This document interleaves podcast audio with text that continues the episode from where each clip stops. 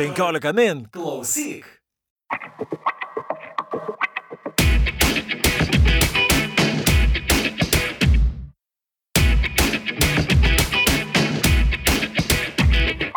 Sveiki, jūs įsijungėte 15 min klausyk podcastą apie technologijas ir gyvenimą - Technotronika. Aš esu Gediminas Kalkauskas. Šios dienos tema - kaip technologijos keičia būsto nuomos rinką. KPMG atliekamoje nekilnojamo turto kosmetinėje apžvalgoje teigiama, kad pastatų valdymas yra didžiausia problema, kurią gali palengvinti technologijos. Nekilnojamo turto savininkai sako, kad procesų automatizavimas ir duomenų analitika yra du svarbiausi dalykai, kurie gali padėti nekilnojamo turto versle. Netgi investuotojų pasitikėjimas investicijomis į technologinius nekilnojamo turto startuolius yra išaugęs. Kodėl taip yra ir kas iš to mums visiems jau netrukus laidoje, o dabar Technotronikos rėmėjų informacija. Technotronikos podcastą palaiko Startup Lithuania, geriausias startuolių draugas Lietuvoje. O mūsų laidos partneris yra Hostinger. Tai pasaulinis ypač greitų web hostingo paslaugų tiekėjas su visą parą veikiančia klientų aptarnavimo komanda. Čia turėsite viską, ko reikia patogiam ir greitam interneto projektų startui bei vystimui. Mūsų klausytojai visoms hostingo paslaugoms gauna papildomą 15 procentų nuolaidą.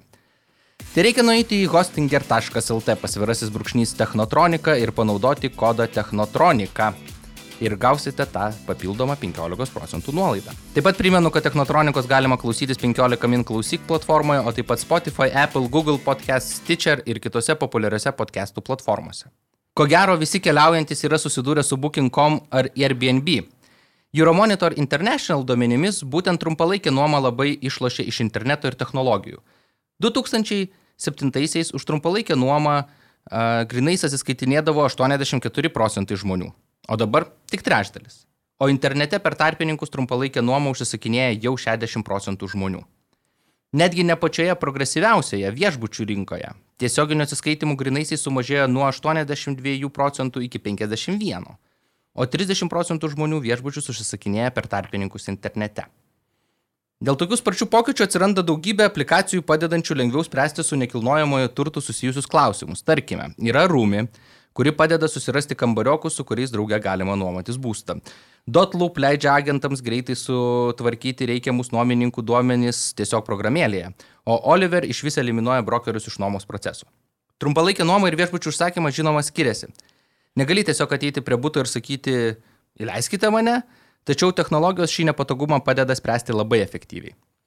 2012-aisiais trumpalaikės nuomos pardavimai sudarė 46 milijardus JAV dolerių. Prognozuojama, kad 2022 metais pardavimai bus 133 milijardai dolerių. Ir ši rinka bus išaugusi 200 procentų, tuo tarpu bendras apgyvendinimo rinkos augimas sudarys 75 procentus. Vienas Lietuvos startuolių, Houses, ir bando išnaudoti šio augimo galimybės ir pasiūlyti trumpalaikės nuomos būstų savininkams patogų sprendimą. Apie technologijos trumpalaikės nuomos rinkoje ir ne tik šiandien kalbuosi su Hausiais įkūrėjų ir vadovų Tomu Grįžu. Sveikas, Tomai. Labas, Gediminai. Tai mano tradicinis klausimas visiems startuoliams. Kaip jūs paprastai paaiškinate, na, e, praeivių gatvėje, ką jūs darote? Ką daro Hausis? Tai pabandysiu paaiškinti paprastai, kaip pavyzdys, tu turi būti Vilniaus centre ir galbūt e, išvyksti pusiai metų pasistažuoti į užsienio, vieną iš užsienio šalių, būtas lieka laisvas ir nenaudojamas. Šioje vietoje ateiname mes ir sakom, kamgi jį laikyti tuščiai, jeigu tuo metu galima jį nuomoti trumpalaikį nuomą, jame gali atsistoti, apsistoti svečiai iš užsienio ir generuoti kažkokią tais gražą, kol, tarkim, tavęs nėra Lietuvoje. Kitas variantas, e, žmogus šeima investuoja į, į antrą, trečią būstą ir galvoja, ką su juo daryti, tai trumpalaikė nuoma vėlgi yra vienas, kaip vienas iš variantų. Vis daugiau ir daugiau žmonių ją atranda, vis daugiau ir daugiau žmonių sako, mes norim pabandyti, nes mums tai atrodo faina. E, ir, ir kreipiasi tokiu atveju į mus, nes neturi laiko, noro, galimybių tą daryti patys. O tarkime, jeigu aš esu na, turiu savo tą būtą senamestį, išvažiuoju, kodėl aš negaliu daryti to pats? Sakykime, nu, nes tai gal ir nėra sudėtinga, ne, nu, man reikia tik pasirūpinti valytoje realiai po to. Ar aš kažką praleidžiu? Gali. Niekuomet nesistengiu atkalbėti žmonių nuo to, kad darytų tai patys, visą laiką stengiamės ir su visa komanda patarti, pakonsultuoti, padėti, kai kreipiasi žmonės norėdami tą daryti. Aš tokiu atveju sakau, bandykit, darykit, turėkit omeny, kad reiks labai daug laiko ir meilės. Mhm. O skaičiavote, kiek maždaug žmogui, vat, jeigu taip administruoji pats šitą procesą, kiek tai užtrunka, tarkim, vieno būto administravimas trumpalaikiai nuomai? Tiesą pasakius, neskaičiavom, bet geras klausimas. Mhm. Ok, o pats esi buvęs Airbnb.com Lietuvoje, bendruomenės Lietuvoje iniciatoriumi, jeigu Taip. teisingai uh, perskaitęs esu. Ar iš to ir gimė Houses idėja? Taip, galima sakyti, kad taip. Jeigu žiūrėti istoriškai, tai viskas nutiko Londone. Man vieną dieną paskambino bičiulis finansininkas, investuotojas, sako, susitinkam kavos, susitikom, jis sako, aš turiu būtus Londono ir Berlyno centre, noriu pradėti daryti trumpalaikę nuomą, gal tu galėtum man padėti. Taip startavo jo verslas, būtent trumpalaikės nuomos, taip aš susipažinau su Airbnb, Ir taip tuo metu dar nesuprasdamas pradėjau, taip sakant, hostinti, priiminėti svečius iš viso pasaulio, su jais bendrauti. Jie atsiliepimuose pradėjo minėti, kad jiems faina, kad juos pasitinka Tomas kažkoks ir kad, žodžiu, suteikia visą keriopą informaciją. Ir aš taip įsitraukiau į pačią Airbnb veiklą, kadangi tai buvo keletą metų atgal Airbnb tikrai išgyveno tokį perversmą, įgyvendino tokį perversmą pasaulyje, kuomet tapo vis labiau ir labiau populiaru apsistoti kitų žmonių, kitų žmonių namuose. Ir, ir, ir taip pat mes kažkaip su, ir su pačia Airbnb platforma ir su vienu iš, iš um, vadovų susidraugavom, aš skrisdavau į tokius uh, globalius kas metus Airbnb organizuojamus susitikimus, su, į kuriuos suskrisdavo taip vadinami hostai iš viso pasaulio ir, žodžiu, vykdavo įvairiausios su to susijusios programos, konferencijos ir panašus dalykai. Tai kaip suprantu, jūsų pagrindinė platforma, per kurią jūs surandate na, savo administruojamams būstams klientus, yra Airbnb. Ar jūs naudojatės ir kitom platformom, nes dabar jų šiaip, ir šiaip jų begalė yra, bet ten yra agregatorių pilna ir panašiai. Tai... Taip, nepasakyčiau, kad Airbnb, kaip visą laiką sakau, labai skiriasi nuo būto, nuo sezono, nežinau, net nepasakysiu nuo ko. Dvi pagrindinės platformos yra minėtos Airbnb ir Booking.com, turbūt kaip ir visame pasaulyje. Yra keletas mažesnių, bet, bet šitos dvi yra pagrindinės. Galiu pasidalinti vakarykščią labai istoriją, e, kas man atrodo labai svarbu, štai profesionali nuoma ir bent jau supratimas, kas dedasi tose platformose, nes uh, Kaip tik e, e, šiam ilgajam savaitgaliui ieškojome, aišku, labai vėlai ieškojome e, būsto druskininkose ar birštone. Taip. Ir tarkim, Airbnb ir Bookingas rodo, kad ta vieta yra užbukinta. O yra dar toks home to go, jis kaip agregatorius taip. yra. Ir ten radom tą pačią vietą, kur yra laisva. Ir mes taip, ha, apsidžiaugiam, kad atradome, visgi nulaužėme sistemą, bet po to kažkaip taip išmokant pinigus, taip iškilo tas momentas, gal, o gal pasiskambinam jiems mhm, į vietą ir taip. pasiklausim ir... Ir jie labai nustebo nuoširdžiai, kad kažkur tai dar rodo laisvą savaitgalį. Ir kaip suprantu, čia yra, na, tiesiog netidavimas tos informacijos kitom platformom užsimiršimas, ar kur čia problema vat, atsiranda tokia? Tai aš įsivaizduoju, kad čia yra tai, apie ką turbūt dar pakalbėsim šiandieną, tai yra tos pačios technologijos ir taip vadinamas sinchronizavimas, kuris tikėtina tuo atveju neįvyko, kadangi per vieną arba per kitą platformą atėjo užsakymas, automatiškai, kai ateina per bet kurią iš platformų užsakymas, tam tikri technologiniai įrankiai susinchronizuoja kalendorių ir visose platformose užsidaro tas kalendorius ir jūs nebegalite, užsi, jūs nebegalite rezervuoti ten to būto, kambario ar, ar dar kažko. Tai taip vadinami overbookingai, kas anksčiau būdavo daugelio siaubas, ne, nes e, jeigu kažko nesužiūrėsi, kai dar senais laikais e, rankiniu būdu daug ką žmonės sužiūrinėdavo. Tai nutikdavo taip, kad e, per dvi skirtingas platformas tą patį būtą tuo pat metu užsisako žmonės ir, ir, ir tada tenka spręsti tokius vat, e, iššūkius. Tai labai gerai, kad pradėjome apie tai išnekėti. Tai kaip vyksta nuomos administravimo procesas pas jūs, nes, sakykime, gal žmonės, kurie klausosi mūsų, kartais gali galvoti, na, tiesiog e, jūs padedate atrakinti būtą, ne, Taip. po to užrakinti ir dar sutvarkote po to maždaug. Nu, tai kaip iš tikrųjų yra, ką jūs duodate, kokią pridėtinę vertę. Taip. Nu tai panašiai. Na, tai technologijų Bet čia nėra. Jo, jo, bet papasakosiu. Tai aš gal papasakosiu tokį visą, visą trumpą procesą. Reiškia, kai jeigu kreip, nuo to, kai, kaip į mus kreipiasi klientas, tai čia jeigu dar taip prieš istoriją apie tai, kokie tie klientai, tai aš vis dažniau paminiu, kad mm, klientai kreipiasi nebūtinai tada, kada jie turi būtą, bet vis dažniau kreipiasi tada, kada jie turi pinigus ir nori pasikonsultuoti, kad e, kuom vienas projektas skiriasi nuo kito, viena lokacija nuo kitos, kokia galima graža, ar toks būtas būtų tinkamas ir panašiai. Tai reiškia, jeigu klientas, kai kreipiasi jau su konkrečiu būtu, mes išsiaiškinam, ar tai yra centrinė miesto dalis, kadangi mes specializuojamės būtent centrinėje miesto dalyje. Ok, tada nuotraukos arba nuoroda, gyvas vizitas į būtą, kad tiesiog pasižiūrėti, kaip tai atrodo. Po to sutarėme su klientu, reiškia, ką tame būte reikia padaryti, kad jis būtų paruoštas trumpalaikiai nuomai. Tai čia dabar jau toks žymiu tampantis mūsų sąrašas, ko reikia, kad būtas būtų paruoštas trumpalaikiai nuomai. Tokį turime labai detalų. Mm, su klientu sutarėme, kas tuo pasirūpina mes ar klientas.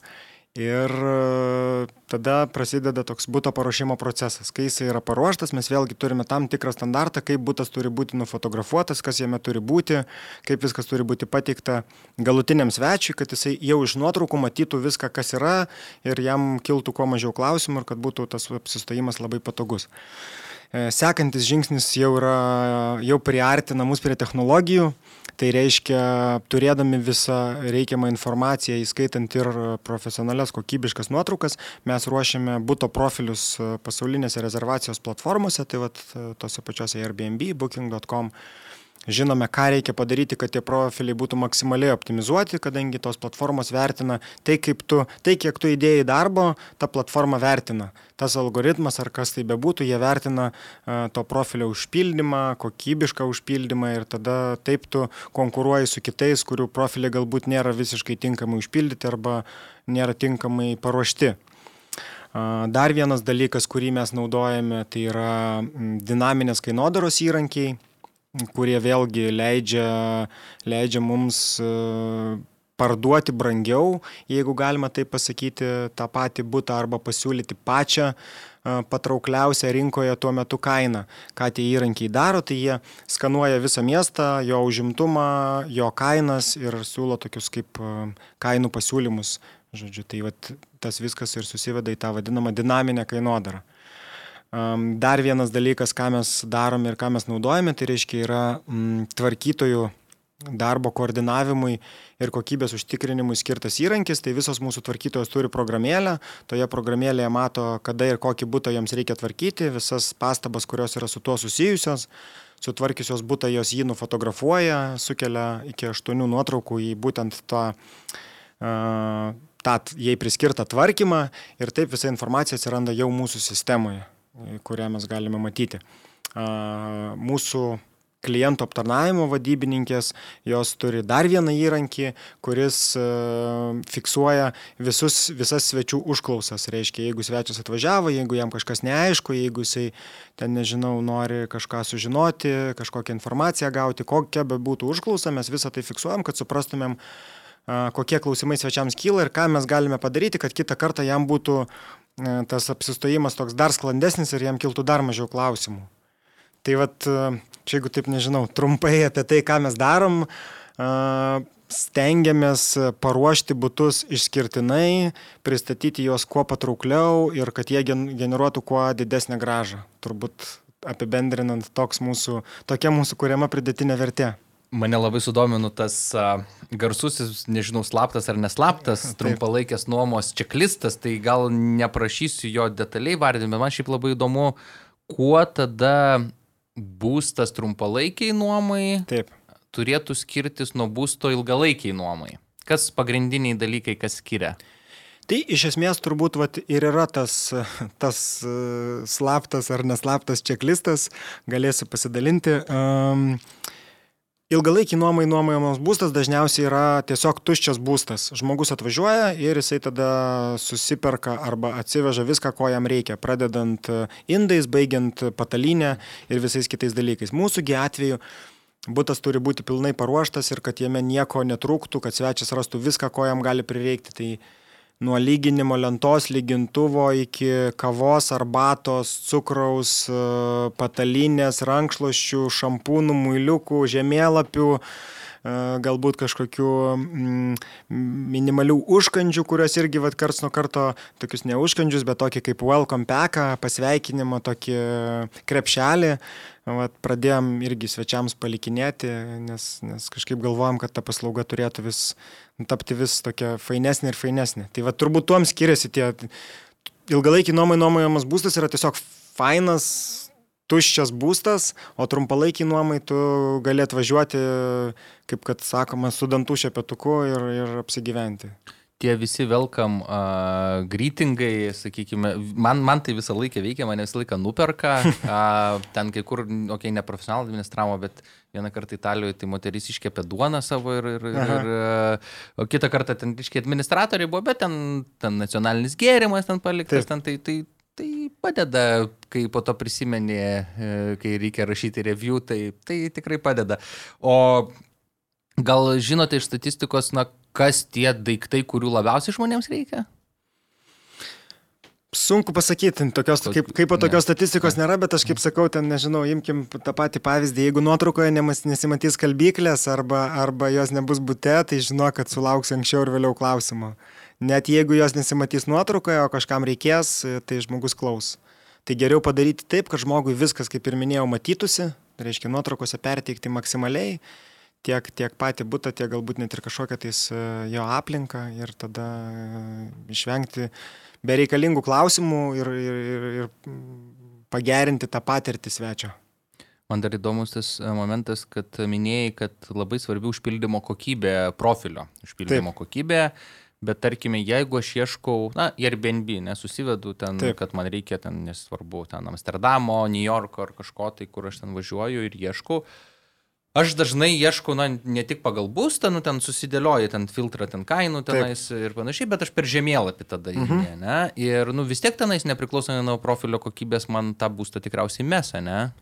Tai Ar... Ta prasme, net nesvarbu, kokiu būdu ieško kažkas, ne? ar pagal žemėlapį, ar pagal kainą. Filtrai yra vienas dalykas, bet po to jau rezultatai yra kitas dalykas. Tai va čia mes labiausiai turbūt įtakojam tą rezultatą. Tai va kaip paminėjai, ten Londonas, Amsterdamas ar, ar, ar New Yorkas. Uh, Būtų įdomu iš vidaus pasižiūrėti į jų virtuvę, nes su tokiu kiekiu ten turbūt pati mažiausia detalė yra svarbu ir ta prasme profilio atnaujinimas kiekvieną dieną ten turbūt turi dar didesnę reikšmę, kadangi kuo aukščiau tave mes paieškos rezultatuose, tuo tikėtina, kad um, tu labiau būsi matomas ir labiau būsi, kaip čia pasakyti, bukinamas, rezervuojamas tas būtas. Dar minėjai dinaminę kainodarą ir čia kaip tik Taip. prieš tai epizodą mes turėjome su Edi Travels, uh, kaip virtualus kelionių asistentas. Ir, jo, ir mes kalbėjome apie tą momentą, kad kartais, kai, kai tu daug ieškai skrydžių, kartais gali būti, kad tau pasiūlo e, galų galę didesnę kainą, jeigu ten kokį mėnesį ten droži, droži tą patį maršrutą, ne, ir tu staiga žiūri, kad ten e, truputį kaina skiriasi nuo kito žmogaus, kuris pirmą kartą ten iš savo, su savo IP, IP įsilogino, ne, ir pasižiūrėjo. Tai ar tai reiškia, kad jeigu aš e, dažnai naršau, ne kažkokią tai lokaciją ir gal tikrinu vis vieną būtą, kad aš greičiau gausiu ne nuolaidą užtiksiu, o gausiu didesnę kainą? Aš manau, kad šituo atveju ne. Mhm. Šituo atveju aš tikiu, kad e, visgi skrydžių užsakymo atveju, taip, pats esu nekartą matęs, kad kaina nepamažėja, netgi o padidėja, tai šitą turbūt žino daugelis, bet šitoj vietoje tai yra labiau nuo rinkos negu nuo kiekvieno individualaus žmogaus naršymo istorijos priklausanti va ta dinamika. Kaip ir minėjau, tas įrankis jisai žiūri, kas darosi rinkoje, koks yra užimtumas, uh, kokios yra kainos, tai labiau pagal rinką reaguoja, negu kad pagal kažkokią tais kiekvieno žmogaus naršymo istoriją. O sakykime, dabar žiūrint į užsienį, aš irgi tai pasidomėjau prieš ruoždamasis laidai, kas ten irgi vyksta, ten su Taip. administravimu trumpalaikės nuomos, kur ten einama, ten labai daug einama į tos smart home, ne, mhm. nu, kad būtų įvairūs sprendimai, kurie vėlgi gal investicijos didesnės, bet ilgajame laikotarpį ten atsiperka. Taip. Ar jūs galvojate kažkokius tai taikytina išmaniųjų namų sprendimus siūlyti ateityje? Tai galiu papasakoti vieną mūsų kliento istoriją, nežinau, galim čia kokį ir konkursą sugalvoti dėl apsistojimo, bet um, iš esmės tai kažkaip aš nors mėgstu technologijas, bet labai atsargiai stengiuosi į tai žiūrėti, tai um, tų tokių labai smart dalykų, bent jau kas liečia viską, kas, kas susijęs su įėjimu, stengiamės kol kas labai taip, ne, nežinau, nedėkti, ne?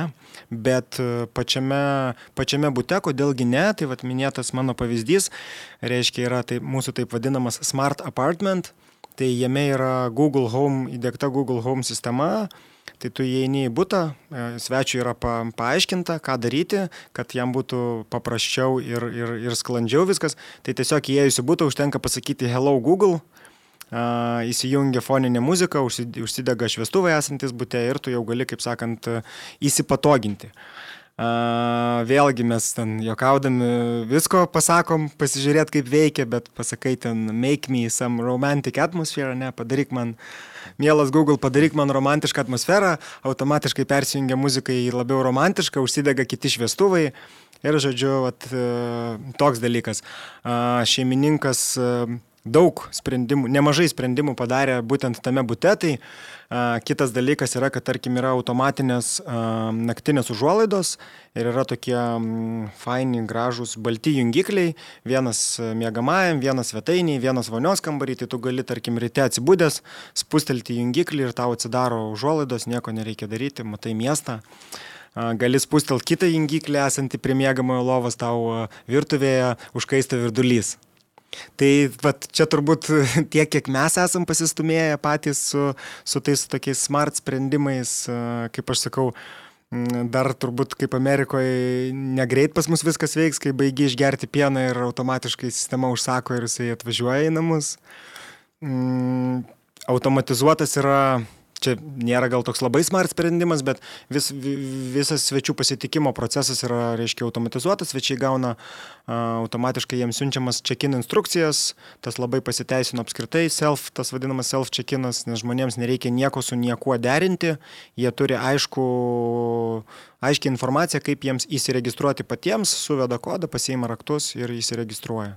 Ar jūs tam naudojate smart locką?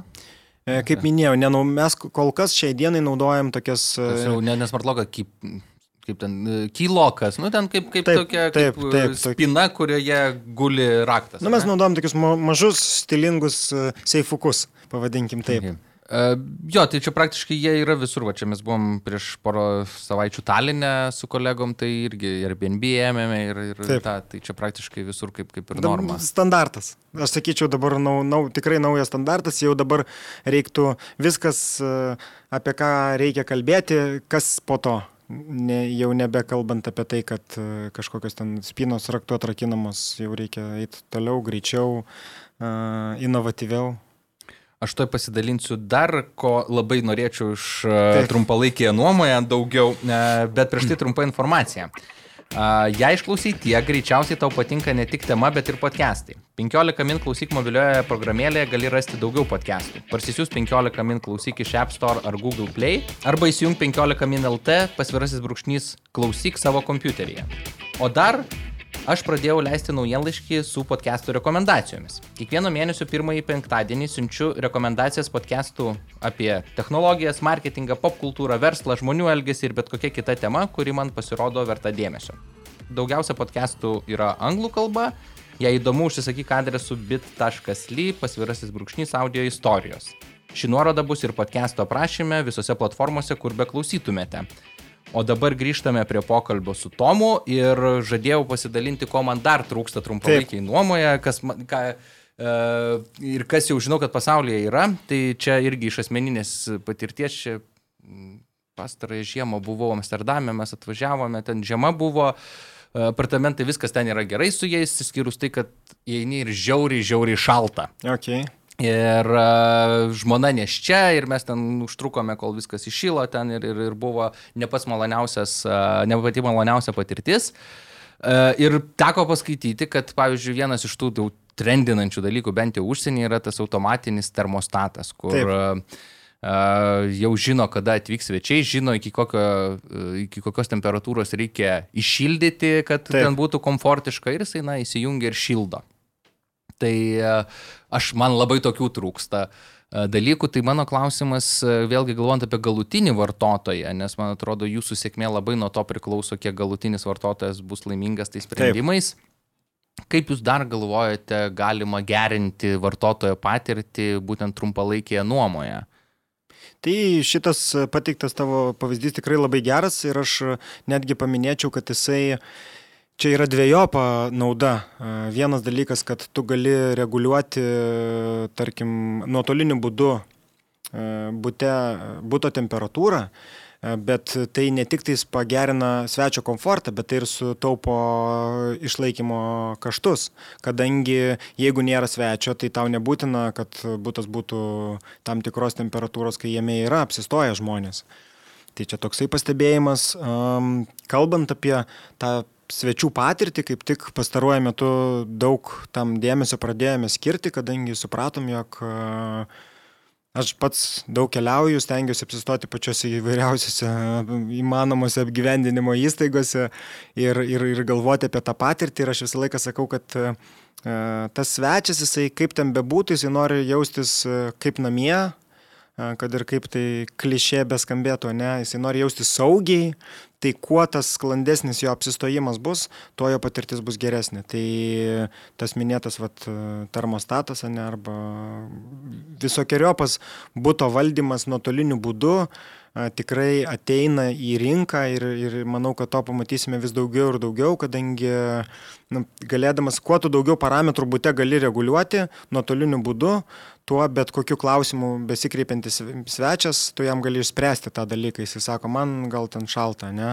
ir jis nemoka pasireguliuoti, arba dar ten kažkas jam neaišku. Tai tokiu atveju, galima, galima, kai galima nuotoliniu būdu reguliuoti, tai yra labai patogu. Tai kitas klausimas yra, mes vėl grįžtame prie pradžios. Uh, Airbnb ir Booking.com, ne? Ar Taip. ir minėjai, kad yra žmonių, kurie perka būtent trumpalaikiai nuomai būstą ir iš to Taip. bando gyventi. Netgi prieš porą metų tavo darytas interviu, kurį skaičiau, e, tu netgi minėjai tokį labai įdomų faktą, kad žmonės nuomojasi būtą nu, ilgalaikiai nuomai įma ir jį pernuomoja trumpalaikiai Taip. Ar tai vis dar vyksta? Taip. Aha, tai kaip suprantu, jeigu jau taip reikėtų rinktis būtą, jeigu perki investicijai, nu taip galvoji užsidirbti, tai tik trumpalaikė nuoma, nu ne taip, tik, ne tik tik, bet didžiausia graža yra iš trumpalaikės nuomos. Kaip aš sakau, dažniausiai trumpalaikė nuoma generuoja didesnę gražą negu ilgalaikė nuoma. Kodėl pabrėžiu dažniausiai, todėl kad tai nebūtinai yra visą laiką taip. Vieni būtai galbūt yra labiau tinkami ilgalaikiai nuomai, čia ir lokacija, ir išplanavimas, ir visa kita. Kiti galbūt trumpalaikiai labiau tinkami ir ilgalaikiai visai patogus. Tai nedrįščiau teikti, kad trumpalaikė nuoma vienareikšmiškai generuoja daugiau. Daugeliu atveju taip, tai generuoja daugiau pajamų negu kad ilgalaikė nuoma. Kitas dalykas, kuris irgi atsirado, atsiradus technologijomis išpopuliarėjo, tai, nes man atrodo, čia labai tiesiogiai susijusi, kad ta trumpalaikės nuomos bumas yra su Taip. technologijomis, tai kitas dalykas, tai na, tos P2P investavimo ar na, skolinimo Taip. platformos. Tai klausimas, kur, ger, kur geriau pinigus padėti. Ar būtų pirkti trumpalaikiai nuomai, ar P2P skolinti pinigus kažkam tai žmonėm? Geras klausimas. Čia toksai, jisai e, net ir šiek tiek filosofinis, aš sakyčiau.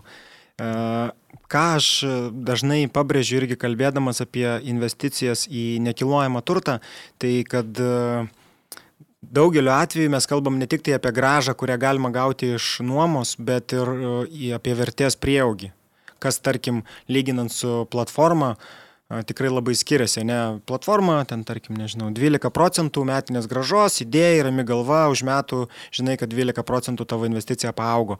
Jeigu būtas generuoja, kad ir tuos pačius 12 procentų arba ten dvigubai mažiau, bet tu po 3 metų jį parduosi su 20 procentų vertės prieaugi, tai jau automatiškai tavo tas kapitalo prieaugis bus gerokai didesnis. Bet čia turbūt, nežinau, kiek žmonių, tiek nuomonių tas populiarus madingas žodis diversifikacija čia turėtų, kaip sakant, sužaisti rolę, ne, kad arba nedėkite kiaušinių, visų kiaušinių į vieną, į vieną krepšį. Tai manau, kad čia kaip kam patinka. Vieni žaidžiasi, kaip aš sakau, tose sutelktinio finansavimo platformose, kuriuose galima gauti didesnę gražą, bet kuriuose reikia daug nusimanyti ir daug visko veikti. Kiti įdeda į, į, į tokias platformas, kur ten 12-18 mėnesių ir nieko nereikia daryti, pastarųjų didelis fanas aš esu. Treti žaidžiasi su nekilnojimu turtu, vėlgi turi tam tikras strategijas, vienokias ar kitokias investavimą į tą patį nekilnojimą į turtą. Tai tokio kaip vieno atsakymo tikrai nėra ir aš manau, kad e, vertėtų pabandyti ir tą, ir tą esant galimybei. Reikia tik tai, tik tai kaip įėjimas yra brangesnis taip. į nekilnojamo turto Rinka. Aš manau, kad taip, aš manau, kad vat, jo, tai čia jau, e, jeigu kalbant apie tas pačias platformas, tai jos tikrai padarė didelį pokytį apskritai visame kame, Ne, nes, e, vat, kaip ir minėjai, įėjimo, pavadinkim, barjeras į nekilnojamą turtą yra tikrai kitoks negu kad 50 eurų, kuriuos gali įdėti į investavimo platformą. Plus jie edukuoja žmonės, e, galų galia tas pats jaunimas supranta, kad nu, pinigus galima ne tik išleisti, bet ir kažkur pasidėti ir jie generuos kažkokią tais gražą. O kalbant globaliau, kaip tik užnekėjome, kokį, kokį poveikį padarė, tai na, bent jau užsienyje dažnai tas Airbnb irgi tampa, Taip. kaip prieš Uberį pradėjo tam tikri miestai kovoti, tai kai kurie miestai pradėjo na, bent jau kvestionuoti Airbnb, nes, kaip žinia, dėl tos trumpalaikės nuomos na, užkyla kainos.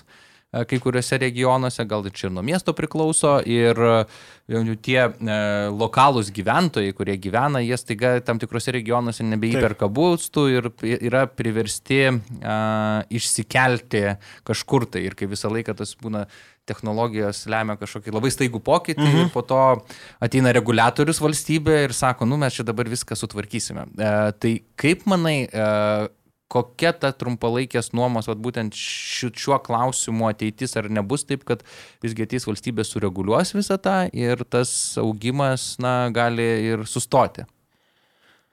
Aš tikiuosi, kad taip nebus ir Ta prasme, norėčiau, kad Vilnius turėtų tokią problemą kaip Barcelona arba Londonas ir negalėtų sutalpinti norinčių į jį atvykti. Ir tada galbūt galima būtų kalbėti apie reguliavimą. Dabargi uh, visų viešbučių atsiradimas ir, ir būtų trumpalaikiai nuomai augimas, pasiūlos augimas, manau, yra tikrai sveikintinas dalykas. Visi puikiai turbūt žino, rinka pati save susireguliuoja, labai puikiai, nieko nereikia daryti dažniausiai. Tai taip, pajamingumas krenta, bet vėlgi aš manau, kad tai yra miesto augimo ir, ir, ir kaip aš vis paminiu, Vilniaus tapimo normalia Europos sostinė požymis. Uh, Tai tikrai pasikartosiu, tikiuosi, kad e, to reguliavimo kažkokio bereikalingo nebus. Ir, ir, ir mes galėsim džiaugtis vis didėjančių kiekių turistų, galėsim, kuriems galėsim pasiūlyti uh, fainas apgyvendinimo paslaugas, pradedant viešbučiais, baigiant būtais. Na ir pabaigai turiu kelis klausimus apie ateitį. Tai vienas apie jūsų kaip hausis ateitį. Tai jūs dabar esate, mačiau, Vilnių ir Kaune. Taip. O kur toliau planuojat plėstis? Kol kas e, svarstom, net nesvarstom, o aktyviai dirbam ties plėtra centrinės ir rytų Europos regione. Tai sekantis mūsų miestas yra Ryga, po Rygos e, seks Varšuva. Po Varšuvos e, dar kol kas nagrinėjomės, bet tai būtų tokie miestai kaip Praha, Budapeštas. O turite minčių plėstis gal ne tik į trumpalaikės nuomos administravimą, bet ir apskritai plačiau, nežinau, pastatų administravimą. Čia m, mm, tik pradėdamas podcastą sakiau, kad bent jau pagal KPMG tas pastatų administravimas įvardinama na, kaip viena didžiausių problemų, Taip. kurias gali technologijos išspręsti. E, iš tikrųjų, tai manau, kad ne. Stengiamės fokusuotis į vieną dalyką, tai yra į trumpalaikę nuomą Taip, šiek tiek pradedame kreipti dėmesį kitokiems apgyvendinimo modeliams, kaip kad e, dabar sparčiai populiarėjantis co-livingas, taip vadinamas. Bet, bet vėlgi tai viskas susijęs su trumpalaikio ir vidutinio laikotarpio nuoma.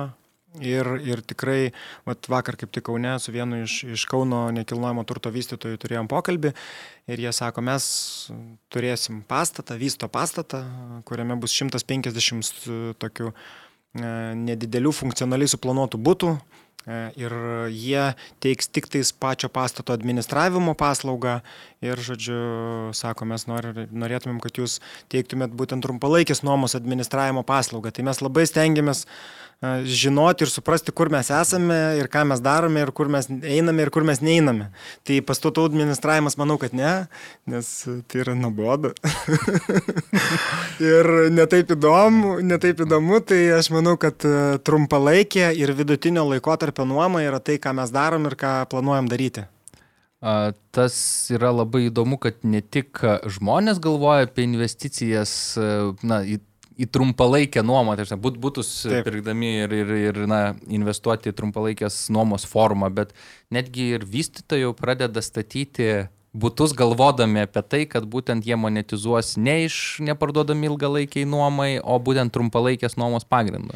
E, iš esmės panašiai, jie, iš, jie tos būtus vis tiek parduos, bet jie supranta, kad dalis žmonių tos mhm. būtus įsigys tam, kad nuomoti. Mhm jau dabar visi puikiai supranta, kad e, ilgalaikė nuoma nėra vienintelis variantas, reiškia yra ir ilgalaikė, ir trumpalaikė kaip minimum. Mhm. Tai vystytojas stengdamasis e, pateikti kuo, e, kaip čia pasakyti, kuo patrauklesnį pasiūlymą galutiniam, varto, galutiniam pirkėjui, ne, savo klientui, tiesiog e, nori, kad jam būtų visas, visokiojo klausimai atsakyti. Tai tas yra labai sveikintina ir jo, kalbamės mes nes, net su keliais vystytojais, kurie vat, į tai labai inovatyviai žiūri ir sako, jo, jeigu jūs galite administruoti, tai mes vat, vystame, pardavinėjame, jūs administruojate ir tokia, nu, tikrai sinergija, kokios e, pasaulyje galima pamatyti nemažai.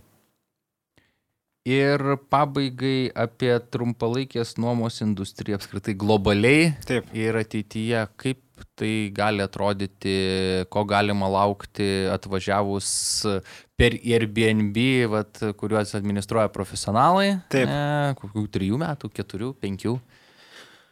Aš manau, kad ir čia turbūt mano pasakymas jau jisai nesikeičia pastaruosius galbūt metus. Uh, tai kad e, tikiu, kad rinka vis labiau profesionalės e, ir liks joje profesionalūs administratoriai, plus tie žmonės, kurie turi tam laiko, noro ir meilės, kad tuo užsiimti patys nes tikrai yra nuostabu susitikti e, žmogų, kuris pats administruoja, kuris pats sutinka svečius, e, kuris pats jiems skiria laiko, ne, ir papasakoja apskritai apie tai, ką jisai veikia gyvenime arba kur mieste nueiti ir ką pamatyti. Tai aš noriu tikėti, kad e, vat, rinka tiesiog tok, tokia jinai ir bus ir tikėtina, kad e, visame pasaulyje žmonės patys norės administruoti tuos būtus, jiems tai, manau, ir toliau bus patrauklu, faina, įdomus užsiemimas, galbūt kažkam pragyvenimo šaltinis, o paraleliai bus administratoriai, kurie administruos didžiąją dalį nekilnojamo turto tiesiog kitų savininkų, kitiems savininkams priklausančio. Tai vad po trijų metų atvykus turbūt viskas bus labai panašiai, tik tai Vilnius bus daug didesnis, e, technologijos bus dar labiau viską užvaldžiusios ir, ir, ir, ir, ir tas apsistojimas turbūt bus dar sklandesnis. E, visur kaip standartas bus padėtos planšetės su jau užkrauta informacija, ne, kad galima būtų patogiai e, naviguoti per miestą. Vat Vilniaus neseniai pasirodžiusi reklama turbūt tą kryptį neblogai nusako. Ir dar tikriausiai įėjus būtų ir pasakius hello Google ar uh, Hey Siri Taip. ar Alexa, tai ten galėsi daugiau būti daryti.